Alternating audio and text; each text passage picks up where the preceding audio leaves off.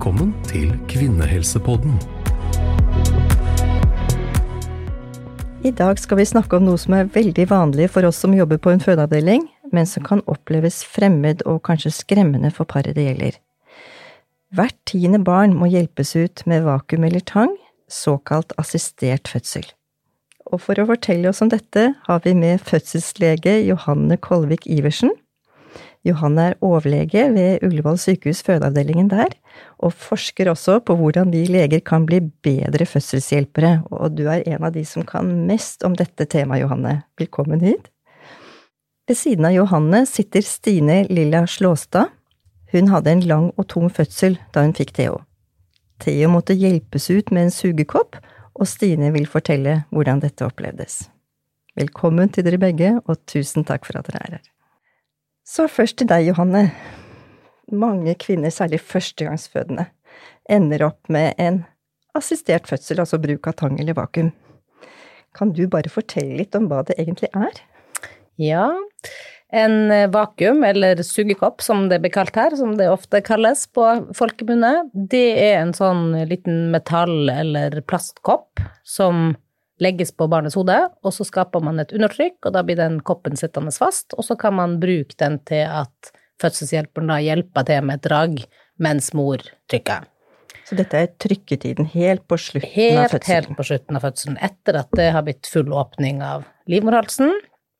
Og uh, tang, som er den andre verktøyet i verktøykassen, det er jo et litt sånn fælt ord, men den, den ligner mer på nesten ei sånn skje, og så legger man ei skje på hver side av barnets hode, så det blir liggende som en sånn hjelm nesten rundt hodet, og så bruker man det til å dra i hodet når, mens mor trykker.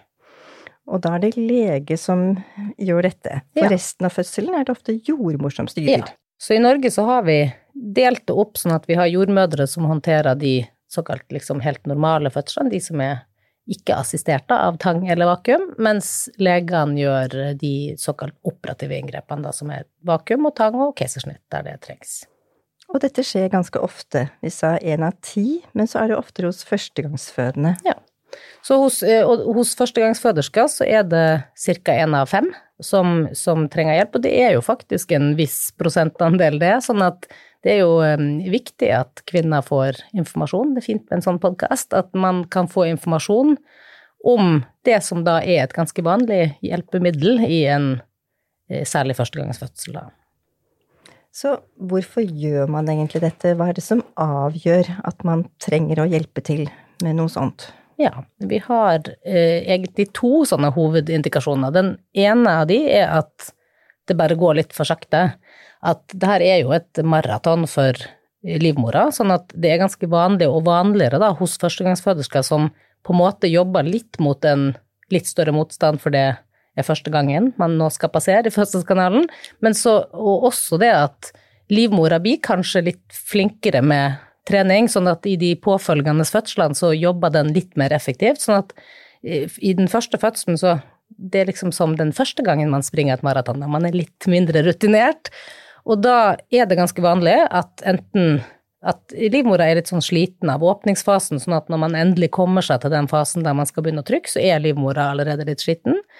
Eller at det er bare litt tungt da å få barnet ut, sånn at når man eh, trykker, som man jo gjør helt på slutten av en fødsel, så har vi satt noen sånne eh, på en måte eh, rammer for hvor lenge man skal drive med den trykkinga, både fordi det er slitsomt for mor, men også fordi det er slitsomt for fosteret. Så det er liksom den ene kategorien, at det bare går litt sakte.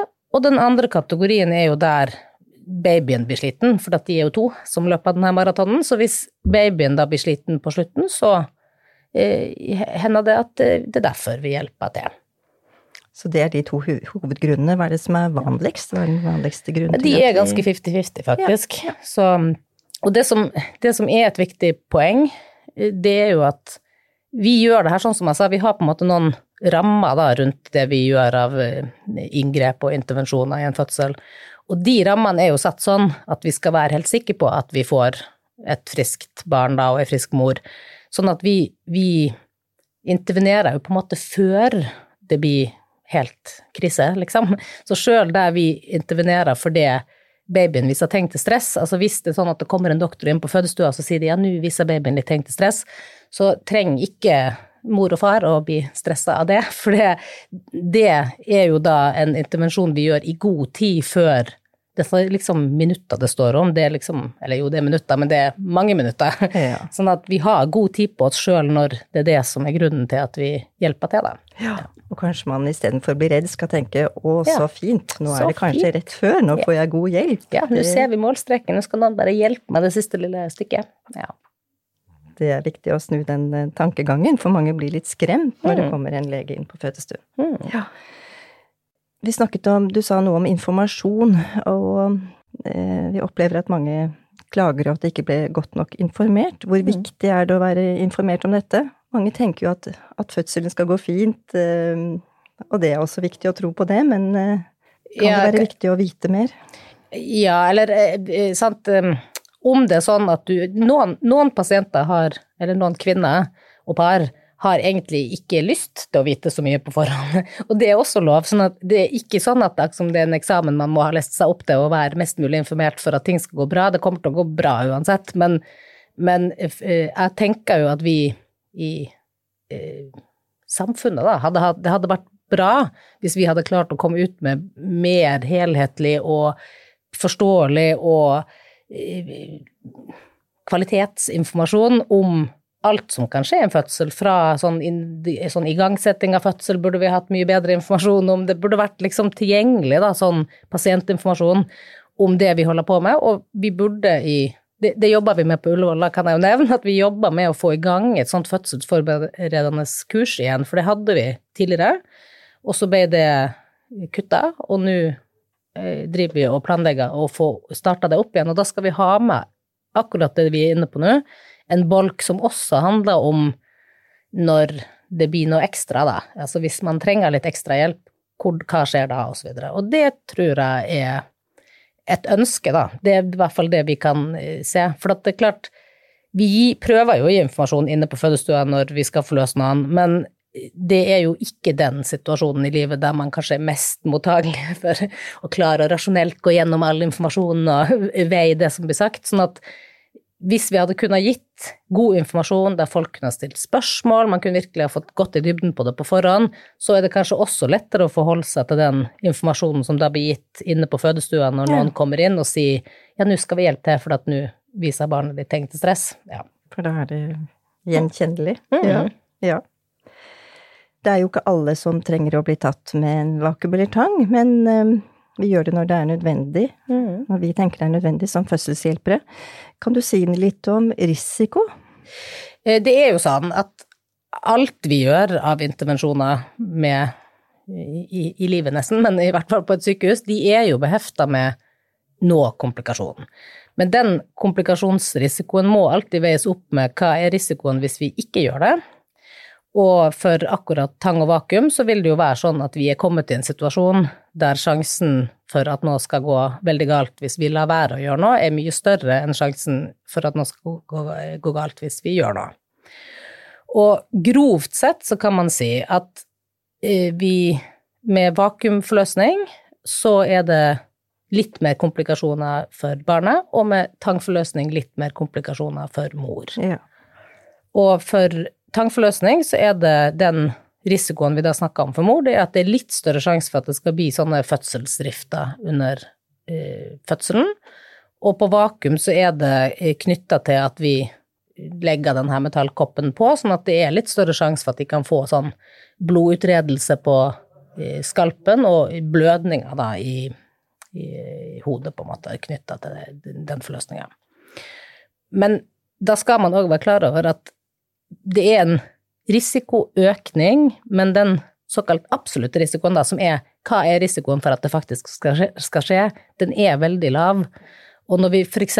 snakker om det med fødselsdrifta, som også er litt for høy risiko for med vakuum, så er fortsatt den totale og absolutte risikoen din for at det skal bli en rift, er fortsatt veldig, veldig liten, og i Norge sensasjonelt liten. Altså, det er ingen land i verden som klarer å forløse barn med så lav risiko for eh, komplikasjon, eller rifter, da.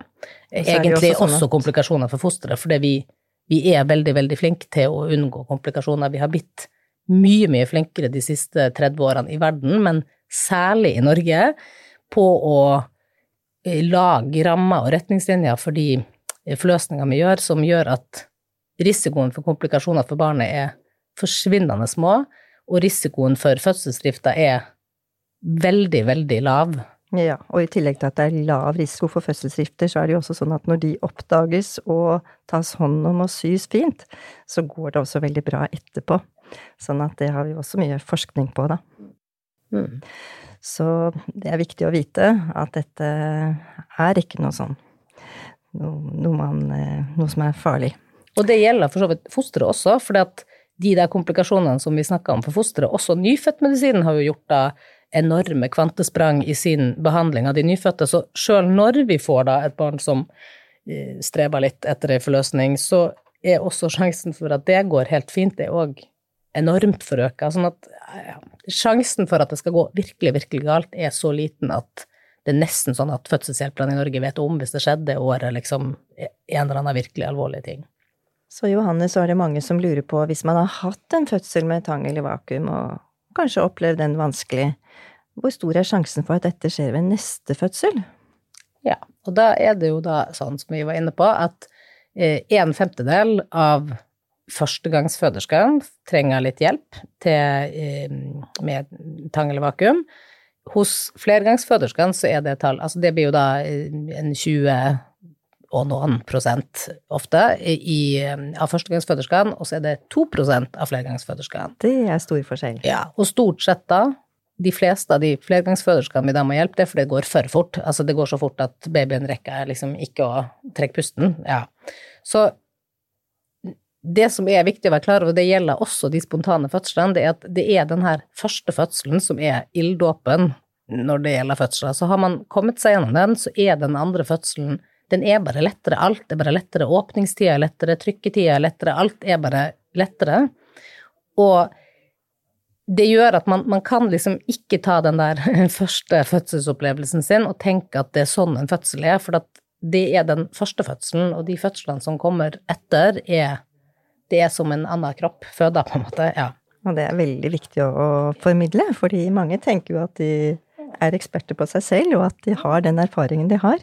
Men å virkelig tenke at dette har du gjort, og nå er du ferdig med det litt, nå går det helt annerledes neste gang, det er viktig budskap for oss å få ut, er det ikke det? Mm. Mm.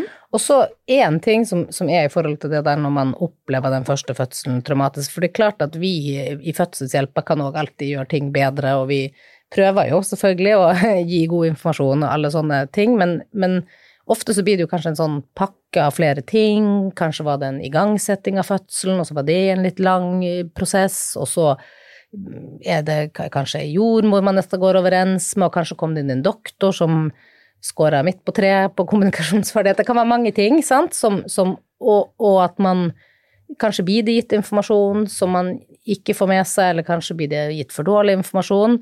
Jeg tror jo det her vi sitter og gjør akkurat nå, som er å gi en slags sånn litt mental forberedelse på at det kan skje, det er til hjelp. Og så tror jeg jo av og til, når det kommer til akkurat opprat, eller sånne assisterte fødsler, så tror jeg jo at av og til så blir det der å føde et barn, de, den smerten og den, det der som er liksom på slutten av en fødsel, det blir liksom linka mentalt også til at det da var en sugekopp eller ei tangforløsning. Men når hodet til barnet kommer, det er nå en litt intens opplevelse, og den er den samme. Det er ingen mm. Ja, det er på en måte ingen vesentlig forskjell på det, men mentalt så føles det nok veldig annerledes at det er du som trykker det barnet ut. Men der tenker jeg jo at vi som fødselshjelpere òg kan være flinkere til å forberede litt på at nå kommer det til å liksom sprenge veldig på. Sånn kjennes det når et barn fødes. Det har egentlig ingenting med den tanga eller den vakuumen å gjøre, da. Og det det blir også lettere mm. i neste fødsel. Og det er jo også litt avhengig av smertelindring. Og mm. det vi tilstreber veldig nå, er jo å gi god smertelindring når man skal forløses ja. med vakuum eller tang. Ja, og det har vi blitt mye bedre til enn det har skjedd veldig mye på det. Mm. Og nå skal vi gå over til deg, Stine, og høre din historie. Og vi er så heldige at vi også har med oss Theo, så hvis dere hører noen lyder, så er det han som har et ord med i laget her. Og Stine, du hadde en frisk og fin graviditet, men så måtte du settes i gang fordi du gikk langt over tiden. Ja. Faktisk så lengt man kan gå før man eh, må settes i gang, da. Mm. Kan du fortelle litt om fødselen din? Det ble en ganske lang fødsel. Det var en lang fødsel, ja. Eh, Jeg gikk eh, maks overtid, Ja. altså ti dager. Og da ble det bestemt at det skulle settes ballong. Ja. Og den fikk jeg på morgenen. eh, Og så begynte jeg vel å få litt sånn antydning til hva jeg selv trodde var rier. Så da kom jeg inn på sykehuset på kvelden. For du reiste hjem etter at du fikk den hjem. ballongen. Ja. Em, og på kvelden da så um, eh, datt den ballongen ut, så da ville de beholde meg der. Em, det hadde ikke skjedd noe som helst med noe åpning, så da begynte jeg på eh, Angusta. En sånn eh, liten sånn pillemodningskur. Em, så da gikk jeg og fikk da totalt eh, det, Eller en fullstendig kur av den første. Ja. Em, hadde da dagen etter ikke fått noe særlig mer åpning, så de bestemte å gå på en runde to. Em, og så gikk vannet mitt eh, da eh, det, Jeg ble gangsatt på mandag, og på onsdag morgen så gikk vannet. Eh, og klokka fire så fikk vi føderom. Og da tenkte jeg at nå er det i gang. Nå Eh, skjer Men det. Men fortsatt veldig liten åpning. Så du er jo et godt eksempel på at igangsetting ikke akkurat nødvendigvis er å trykke på en knapp. Det kan ta både lang tid, og man må bruke mye midler. da eh, når vi fikk fødestuen, så eh, var jo jeg også litt sånn på forhånd at eh, jeg ønsket å ha det så naturlig som mulig, og ikke så mye smertestillende, med mindre det var nødvendig. Så fikk jeg jo på en måte rier eh, relativt fort. Eh, og de var såpass vonde at jeg eh, tenkte at eh, dette kan jeg ikke stå med lenge. Eh, jeg var ganske, holdt jeg på å si, eh, eh, tung. Eh, sånn at eh, da valgte jeg å eh, ville ta epidural, Mm. eh, og det fikk jeg. Og dessverre så hjalp ikke det noen ting. Eh, disse riene eh, blei mer som et sånt nedpress. Eh, og da sa jeg jo fra til jordmor at nå føles det ut som jeg må presse. Ja. Eh, så jeg ble undersøkt, og det var jo fortsatt ingen tegn til noe åpning, eh, som var på en måte mer enn Jeg tror det var snakk om fire centimeter, jeg. Mm. Så Eh, tidlig i fødselen fremdeles. Ja. Eh, og da fikk jeg jo drypp. Eh, for det ble også fortalt at det var få som Jeg fikk drypp før vi startet med epidural, eh, og da fikk jeg jo mm, forklart at det var sjelden at man gikk i fødsel uten epidural eh, når man hadde fått såpass mange av disse tiltakene for å, at eh, det skulle modnes, da. Mm. Eh, Så når jeg fikk den epiduralen og det ikke hjalp, og jeg følte at eh, nå kjennes det ut som jeg må presse, så kjente jeg på en litt sånn panikk over hvor lang tid kommer dette til å ta, at jeg ikke Mm. får lov til å presse. Eh, Og det vedvarte jo da til nattevaktene kom. Og fikk et litt sånn guts fra hun jordmoren som kom da at nå, nå skal vi prøve å få det til å skje. Og vi begynte med litt forskjellige øvelser og ja, stillinger. Eh, for meg så passes det best å stå, eh, fordi de sengene var ikke akkurat så gode å ligge i, for det var litt sånn nedoverbakke. Eh, så da fant vi ulike metoder og stående og sittende. Eh, Men så reagerte jeg på at eh, For vi har jo på CTG, og på maskinen så ser du jo litt sånn CTG det er en, et bånd som registrerer fosterlyden. Ja. ja. og det, det så fint ut, og vi fikk hele tiden kontinuerlig beskjed om at det ser fint ut. Eh, men disse riene, de ga seg ikke. Jeg hadde rier nesten en time i strekk. Eh, og tenkte, og samboeren min eh, tenkte at er dette normalt, da? For vi har jo sett på For det åpnet seg fremdeles ikke. Nei. Nei. Vi ble undersøkt jevnlig. Ingen noe særlig større åpning. Eh, og da, det er vel kanskje i den biten der hvor vi kanskje mangla litt informasjon om hva kan årsaken være til at det åpner seg ikke, riene holder på så lenge i forhold til hva vi har sett for oss med dette at man får gjerne litt pauser mellom riene. Eh, det var ikke eksisterende hos oss.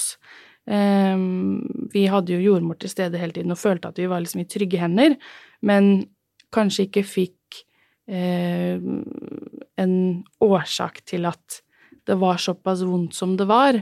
Og i, i løpet av den natta så var det fikk jeg jo epidural, jeg fikk to Puddendal, som er en mer sånn lokal bedøvelse innvendig. Mhm. Eh, og på morgenen så Og så var jeg fikk så du også spinalbedøvelse? Ja. På morgenen klokka sju så hadde det vært såpass tungt at jordmor tenkte at hvis dette skal holde til en eventuell fødsel, så må vi gjøre noe mer, og da fikk jeg spinal.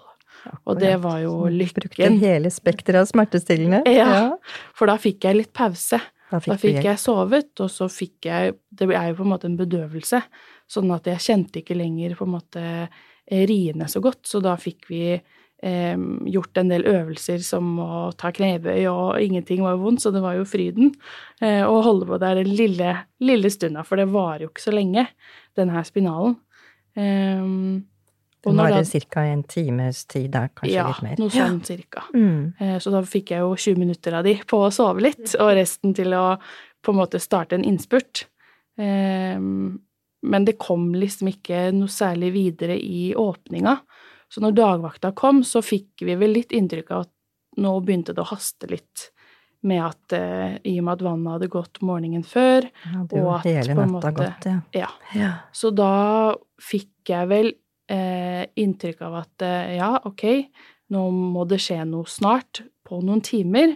Eh, og tenkte for meg selv at ja vel, da betyr det vel at enden på dette eventuelt blir et keisersnitt. Uten at de sa det. Det hadde du ikke lyst på. Nei, Nei. jeg tenkte at eh, hele den natta ville jeg ikke ha gjort, holdt jeg på å gått gjennom forgjeves hvis ikke jeg får prøve engang. Um, så da eh, var det litt sånn at hun jordmoren sa at nå må vi prøve det meste, selv om det gjør vondt, med bevegelse og endring av stilling. Eh, og det gjorde vi. Eh, da kom også to leger inn eh, og ga en viss på en måte belysning om at eh, vi mistenker at han står skjevt. Eh, vi må undersøke. Og det gjorde de via ultralyd. Og så at han sto skjevt i bekkenet, og det var årsaken til at han ikke At det hadde stagnert litt, da. Eh, og da Var det eh, skremmende for deg at de kom inn sånn? Nei, egentlig ikke. Eh, fordi de kom inn på en måte litt sånn rolig og litt sånn, ja, nesten litt sånn muntert. Ja. Og sa det at eh, nå har du holdt på lenge og bra jobba, og, eh, men vi ser at her stagnerer det. Og Mm. av at det har tatt så lang tid, eh, så må vi se på alternativer til hvis ikke dette går av seg selv ganske raskt nå. Em, så da fikk vi litt informasjon da, og så fortsatte jeg å eh, jobbe meg til en åpning. Men det eh, gikk jo Det tok litt tid. Eh, men når jeg først da hadde åpning, så kom ikke eh, Theo, som han heter, Ja. langt nok ned. Hodet hans? Mm. nei. Sånn at da kom legene inn igjen og tok en ny ultralyd og fortalte at vi har lyst til å prøve vakuum. Eh, vi gir det et forsøk, eh, men ikke så mye eh, før det eventuelt blir et keisersnitt. Og da kjente jeg vel at eh, da gikk det litt sånn konkurranseinstinkt i meg om at eh, ok, eh, jeg var jo ikke, som du også nevnte, akkurat sånn til å ta til meg sånn innmari mye informasjon, men jeg skjønte at vi skal prøve, og det er verdt det. Em, så da fikk vi litt eh, informasjon om at han ene legen skulle da hjelpe til med å få hodet hans lenger ned, manuelt, med hånda. Em, og så for at, fordi det var, måtte ha en viss centimeter for å eh, kunne feste på den vakuumkoppen. Mm. Em, så da hadde jeg jo også fått litt eh, Jeg fikk en ny spinal for å på en måte kunne ha krefter nok til å presse. Eh, da var jeg selvfølgelig litt usikker på kan jeg ta en spinal hvor jeg blir bedøvd, kjenner jeg da riene? Mm. Men da ble jeg fortalt at det kunne de se på denne CTG-en, og de kunne informere meg om at nå har du en ri, og nå kan du presse. Så det gjorde vi i den første biten, hvor han, legen, hjalp til med å snu hodet manuelt. og Fordi det sto litt skjevt. Ja. ja.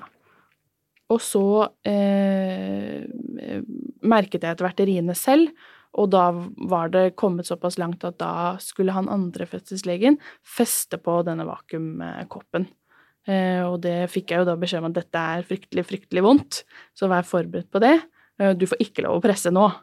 Eh, så da holdt jeg igjen til jeg fikk klarsignal igjen, og da følte jeg vel på det ja, at det var noe, en prosess som skjedde, at noe ble festet på.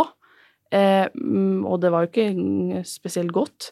Eh, men når da han sa 'nå er det klart', så følte jeg på en måte at da bare fortsatte jeg med litt hjelp.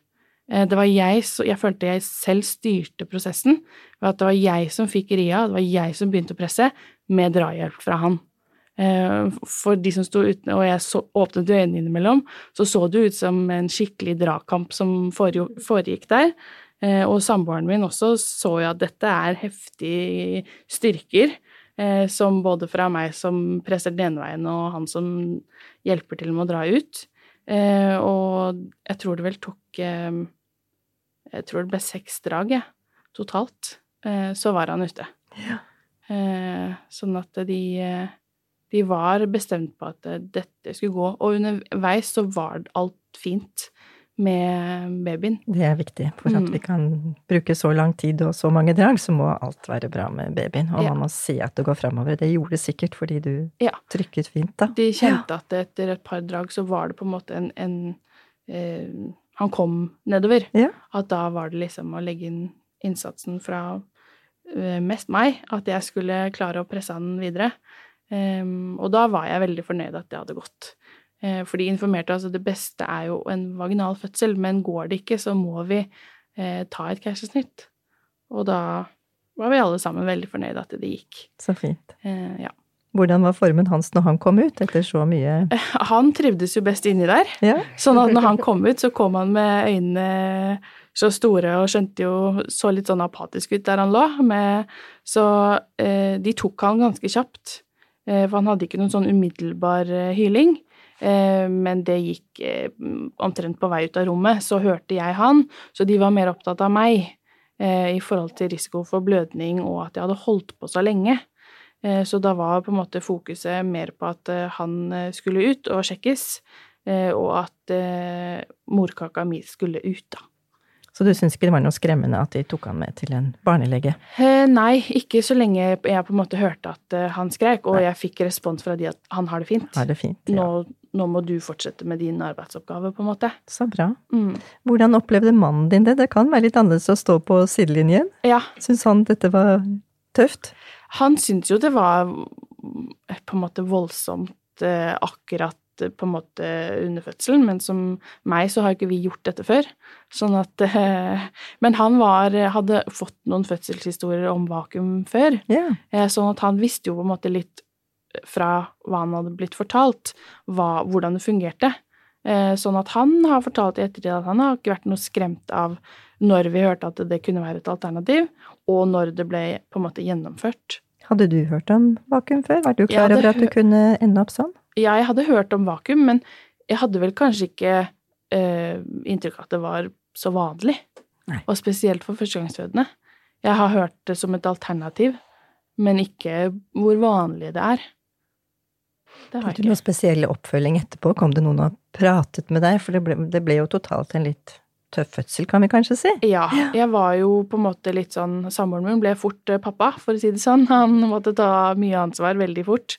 I og med at jeg hadde holdt på så lenge, så eh, var det litt infeksjoner, og eh, på grunn av blødning så fikk jeg litt eh, blodoverføring og antibiotika, sånn at jeg var kobla opp til eh, litt ledninger, da. Mm. Eh, sånn at det var ikke så lett å ha en baby der. Og da følte vi på at uh, vi fikk god oppfølging av både fødselslegen og de legene som var nede på barsel, og jordmødrene der, som var mye innom oss fordi jeg trengte medisiner. Ja. Hvor de var veldig på dette at det, det, du har vært gjennom nå, er ganske tøft. Mm. Det er heftig på en måte både for kropp, men også kan det oppstå ting i etterkant psykisk.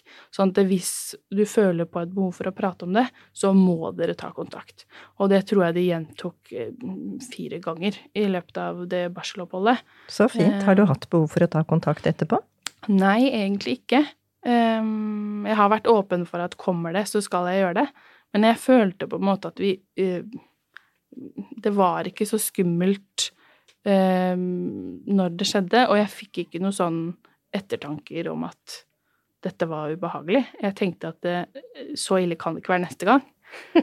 så Det har du helt rett i, det har du hørt nå. ja, så det er jo betryggende å høre. Den lille Theo som hadde denne vakuumkoppen, han fikk litt ekstra oppfølging kanskje? ja.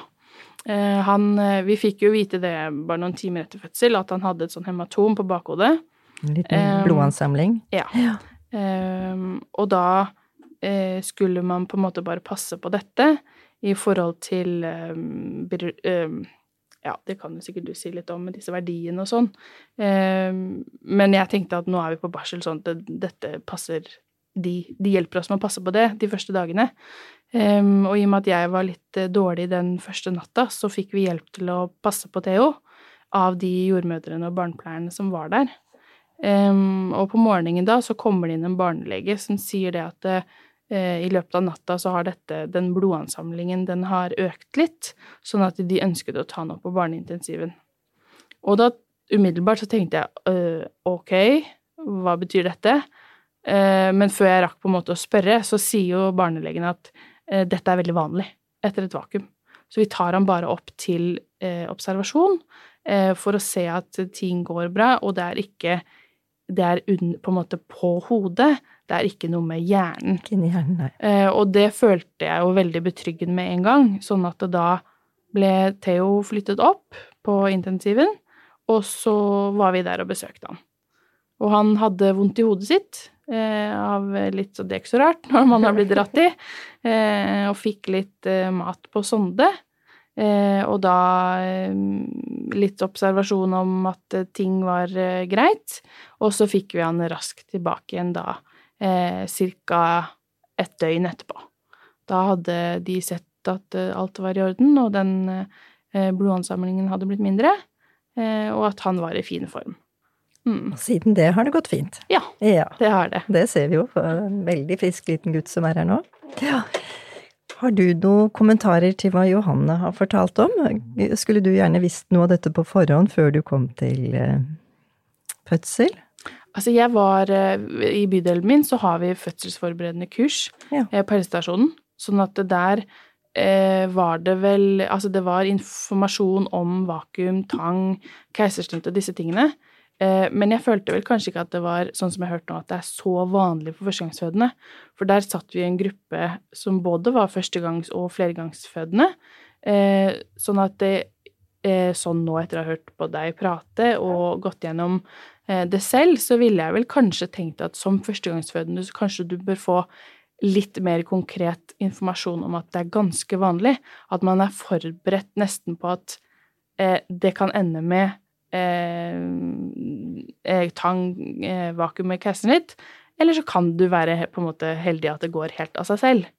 Eh, For nå er det jo litt andre veien, at du håper på, litt sånn som du sier, en naturlig fødsel, og så får du litt sånn Oi, ble det ikke det? Eh, og så må du begynne å tenke litt sånn nytt. Sånn at, og i disse Jeg husker ikke hva den helseappen som vi gravide blir anbefalt å følge, Mhm. så er det jo en del sånne sider som forteller om det. Eh, men jeg fikk vel heller ikke inntrykk der at det var såpass vanlig som det jeg har fått høre nå. Johanne, før vi runder av, har du noen kommentarer til historien til Stine? Nei, jeg syns jeg, jeg vil si eh, jeg blir glad i det norske helsevesenet, for det, det høres jo ut som om eh, de har Eller vi har klart, da, i ditt tilfelle, å gi Det kunne sikkert ha vært bedre på noen punkter, men at du har i hvert fall følt at du har fått den kanskje nødvendige informasjonen, da, at man, vi ikke har skremt. For det hører vi jo av og til når folk kommer tilbake, at de forteller om et forløp som når vi som helsepersonell hører om det, så tenker vi ja, ja, det her var jo liksom vanlig, men så har det vært eksempel sånne ting når de kommer og sier ja, men nå tar vi en for sikkerhets skyld over på nyfødtintensiven, og så tenker den nybakte mora han skal på nyfødtintensiven, det og, så, og så blir det hengende sitt i lufta uten at noen da sier den der tingen som han barnelegen da av seg sjøl sa, at det er så viktig for oss å huske på at det er noen sånne kritiske punkt underveis i et fødselsforløp der vi må huske at selv om det er en vanlig dag på jobben for oss, så, så er det her en veldig stor ting for det paret. Absolutt. Så det var jo det var godt å høre, da, at, at du hadde opplevd det. Så virker det som du også har vært flink til å ta til deg den positive informasjonen. Det er jo ikke alle som klarer å høre de Nei, og det skjønner jeg. Man er jo forskjellig og forskjellig mottagelig for informasjon i en sånn litt stressende eh, situasjon. Sånn at da kanskje den informasjonen, i hvert fall at man har hørt det en gang før, litt tidligere. Og så syns jeg det var et veldig godt poeng det du sa med at det å på en måte være forberedt på alt, for det er jo litt sånn fødsler er, også for oss som jobber på sykehus, at det er jo veldig ofte vanskelig å forutse helt hva som skal skje. Og det der med eh, da, tang eller vakuum, det er jo da en ganske vanlig ting som kan skje, uten at det er noe stor katastrofe i det, på en måte. Altså det, det er en sånn ting som skjer. og at vi, vi, at man, hvis man kanskje er mer sånn forberedt på hele spekteret av det det kan være å føde, så kanskje man eh, går inn i det da, litt mer sånn mentalt forberedt. Ja. Ufarliggjøre de tingene som for oss som ikke vet det, egentlig er ganske vanlig. Så sa Stine noe om at hodet sto litt skjevt, og at det kanskje var grunnen til at det gikk litt sakte. Dette er noe du er ekspert på, Johanne. Kan du si noe om eh, det? Ja, og det er jo en av de der tingene som vi var inne på med førstegangsføderskap. Det der med at hodet hos uh, menneskeapen, den, det, det, har en litt vanskeligere vei ned enn det det har hos andre aper, da. Og da, da, er det sånn at den må gjøre noen sånne vendinger for å klare å komme seg fra inngangen i bekkenet til utgangen av bekkenet. Og de vendingene er veldig avhengige av blant annet da ria. Sånn at når man er førstegangsføderske, så kan, når livmora da blir litt sliten, og sånn som du som hadde et veldig langt forløp, så klarer han ikke alltid liksom å få til den der siste skruen på slutten. Og av og til så velger babyen å komme ned litt sånn at den treffer som uh, avhoppet, hva heter det når de gjør sånn skihopp, den treffer liksom den der ja, litt, litt skjevt i avhoppet der. Sånn at, at, og da er det ofte sånn som de gjorde hos deg, da. Det skal ofte ikke sånn kjempemye til. Av og til så klarer vi veldig lett å bare rette opp liksom retninga litt, og så var det på en måte det som skulle til. Så blir det lettere for livmora i jobb, og så klarer man å få fremgang i fødselen likevel. Mm. Og det er faktisk blitt mer populært. Det var veldig populært før, og så hadde vi sånn som i medisinen, det går jo ofte litt i bølger, så hadde vi en periode der det ikke var så vanlig å gjøre, og nå er det på vei inn igjen, og det vil jeg si er en veldig positiv ting, da, det der du kalte sånn manuell rotasjon, at man hjelper, at fødselshjelperne hjelper til med litt med hånda, for det er en så en, en ting som er behefta med, i motsetning til mye annet vi gjør, en, i prinsippet nesten ingen risiko, og man kan få til så mye bra ut av det, på en måte. Så det er ikke alltid at vi lykkes, men det er absolutt verdt forsøket, og vi kan kanskje liksom klare å til og med unngå da en, en assistert fødsel fordi man klarer å rette opp eh, det dumme er at man kan ikke gjøre det så tidlig, man må Nei, gjøre det veldig sent, og ja. det det var jo sånn sett litt vanskelig å gjøre det noe særlig før, tror jeg. Det, Nei, hos, hos deg, jeg syns det, det, hørtes ut som de dere sammen klarte å få det optimale ut av din fødsel. Ja. ja. Så helt til slutt, Johanne, hva er det viktigste lytterne skal få med seg fra denne episoden? At man skal ikke bli redd og stressa når doktoren kommer inn og sier at nå skal vi kanskje hjelpe til. Forhåpentligvis kommer de inn litt som du sa, med litt sånn munter.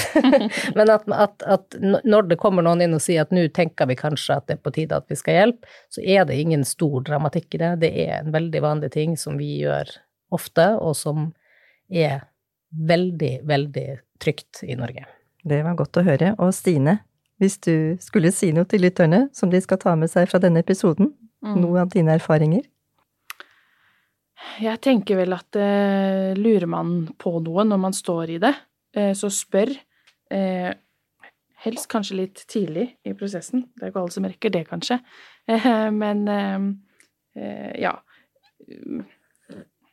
Søk informasjonen, og liksom les seg litt opp på alternativene og uh, åpen til at uh, er du heldig, så kan det skje helt av seg selv, uh, men tenk at det er vanlig at man får litt hjelp på veien også. Og så er det viktig å si at du hadde kanskje en litt tung vakuumfødsel med, ja. med, en blodansamling, men det er veldig mange som ikke har så tunge påløsninger som deg, hvor det, ikke, hvor det faktisk ikke blir noen ekstra tiltak etterpå, da. Det må man bare få med til slutt. Så tusen takk for at du kom og delte din historie, Stine, og tusen takk, Johanne, du har øst av din kunnskap, og vi håper at dere som har hørt på, nå er blitt litt klokere og tryggere av å høre på.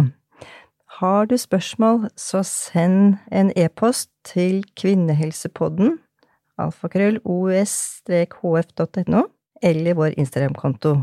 Og er du engstelig, ta kontakt med jordmor eller fastlege hvis du er bekymret for svangerskapet. Takk for i dag.